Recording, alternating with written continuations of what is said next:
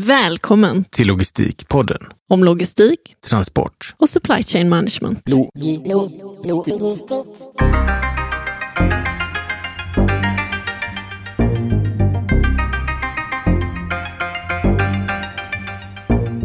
Den 12 november hade vi ett av våra kostnadsfria webbinarier.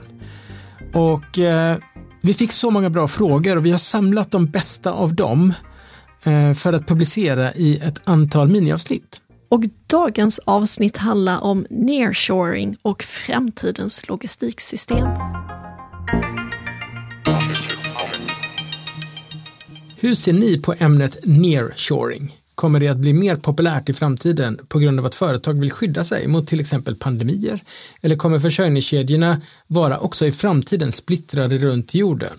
En väldigt bra fråga. Vad säger du om det Nina? Högst aktuellt och jättebra. Eh, och jag tror det här är en fråga som engagerar de flesta i dagsläget. Eh, jag har eh, två döttrar som eh, går i eh, grundskolan och eh, det jag osökt kommer att tänka på är faktiskt de här kartorna man hade i geografin. Där man såg hur råvarorna var fördelade i världen.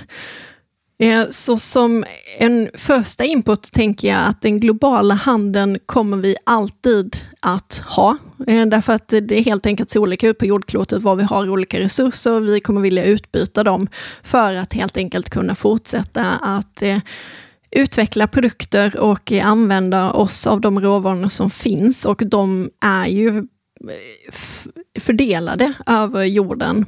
Med det sagt så tror jag ju att vi kommer få mycket mer eh, tankar och funderingar runt hur man också kan säkra upp lokal försörjning.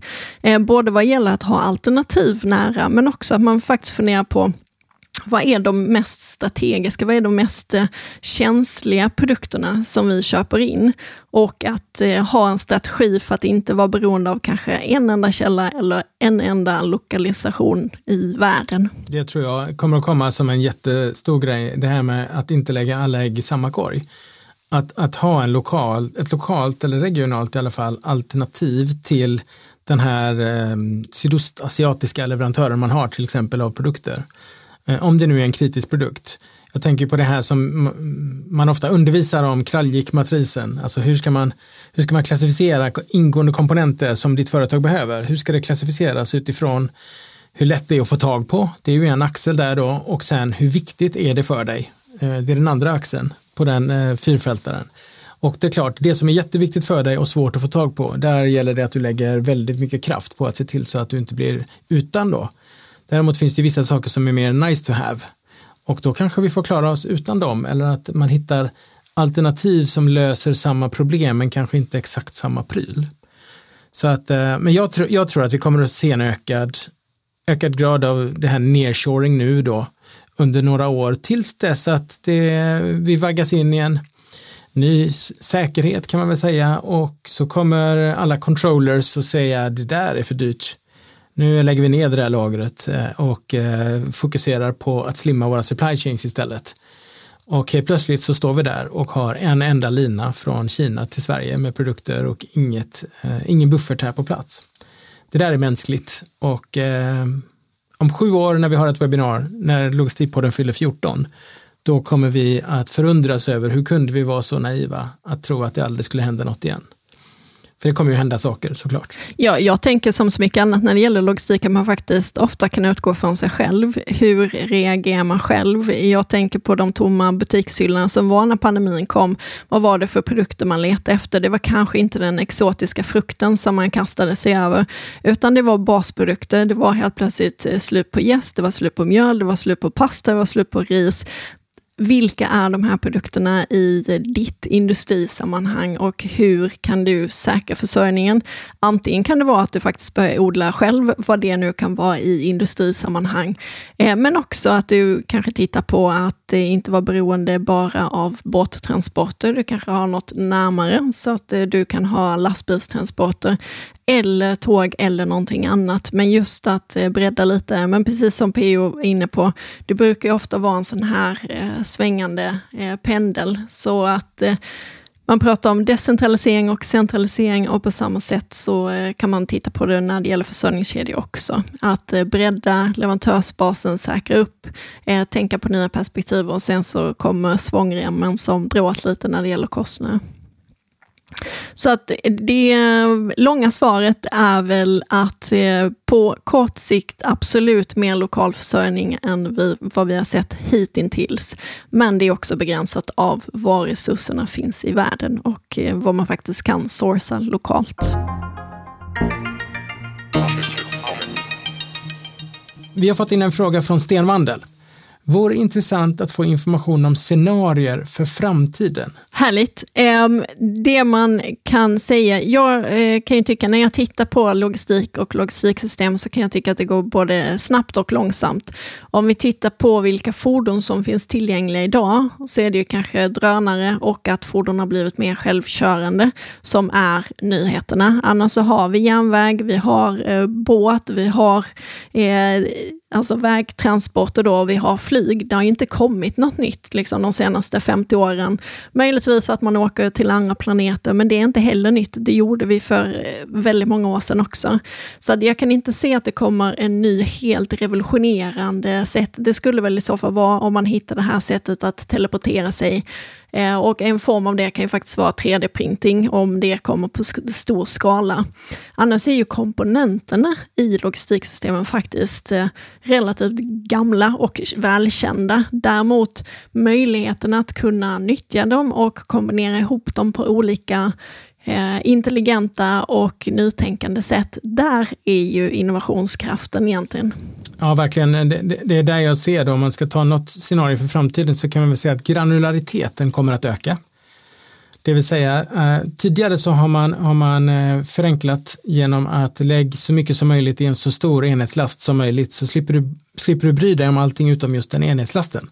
Så kan du bry dig om att flytta den. Så behöver du inte bry dig om allt som ligger i förrän du öppnar upp den och tömmer den och ska distribuera sista, sista biten till exempel. Men som sagt, det går faktiskt att öka granulariteten, det vill säga du kan detaljplanera varenda liten pryl. Sen kan det vara så att en del av vägen så kommer den prylen att välja att åka tillsammans med 10 000 andra prylar som råkar få plats i samma lastbil. Men det betyder inte att det är så man har styrt systemet. Man har styrt systemet utifrån egentligen varje enskild pryls eget individuella behov. Och då kan den här nya mikromobiliteten, till exempel med elsparkcyklar och annat, då kan det helt plötsligt bli en del i leveranssystemet. När man, börjar, eh, när, när man ökar granulariteten och ökar komplexiteten, men också att man då kan hantera den. Så att eh, mitt huvudframtidsscenario det är ju att, att vi faktiskt kommer att gå ifrån att datorisera, som vi har gjort nu, stora delar av vårt transportsystem, det vill säga vi gör samma saker som vi alltid har gjort för att vi har datorer istället som hjälper oss till att faktiskt digitalisera det och kunna göra saker som tidigare var omöjliga att göra eh, med analoga verktyg. Och det där, eh, det, det ligger liksom i hjärtat på samtliga framtidsscenarier jag kan tänka mig. Att det ligger den här digitala innovationen som måste till. För som Nina säger, eh, det är inget nytt att flyga saker, men storleken på flygmaskinerna kommer att minska, energikällan kommer att minska. Vi ser just nu eh, inom överskådlig framtid personliga Eh, flygfarkoster som gör att du kan flyga faktiskt eh, istället för att köra bil någonstans. Sånt där kommer att dyka upp. Vi ser drönare, vi ser nya typer av leveransfordon, vi har pratat om cyklar och annat. Allt det där är, är ska säga, kombinationer av redan känd teknik. Lägg ett digitalt lager över det här eh, så att du också ser till så att alla beslut som fattas i systemet faktiskt fattas utifrån så mycket information som möjligt som finns tillgänglig vid det tillfället. Kanske till och med förutsägelser. För är det någonting eh, artificiell intelligens är bra på, som vi människor är ganska dåliga på, så är det att prediktera. Hur kommer det här systemet eh, att se ut om två dagar? Om de här, de här variablerna är kända. Det är datorer väldigt, väldigt bra på. Så att vi kommer att få se betydligt smartare och mer granulära system. Och, och det man kan se att innan har man ju skilt på persontransporter och godstransporter i att en person kan välja att gå av och på och hitta på massa saker längs vägen. Det har inte laster kunnat göra på samma sätt innan. Men jag tror att det kommer vi se i framtiden. Alltså lasten kommer ta beslut längs med vägen att ja, men jag hoppar på den här eh, lastbilen för den ska ju faktiskt åt det hållet som jag ska. Så att det kommer vara en helt annan eh, dynamisk eh, hantering av gods. Gillar du Logistikpodden så glöm inte att gå in på www.logistikpodden.se och signa upp dig för vårt nyhetsbrev så får du alltid information om när nya avsnitt har dykt upp.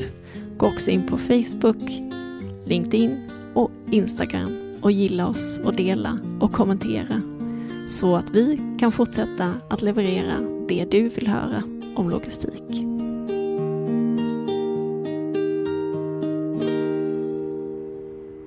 Logistikpodden.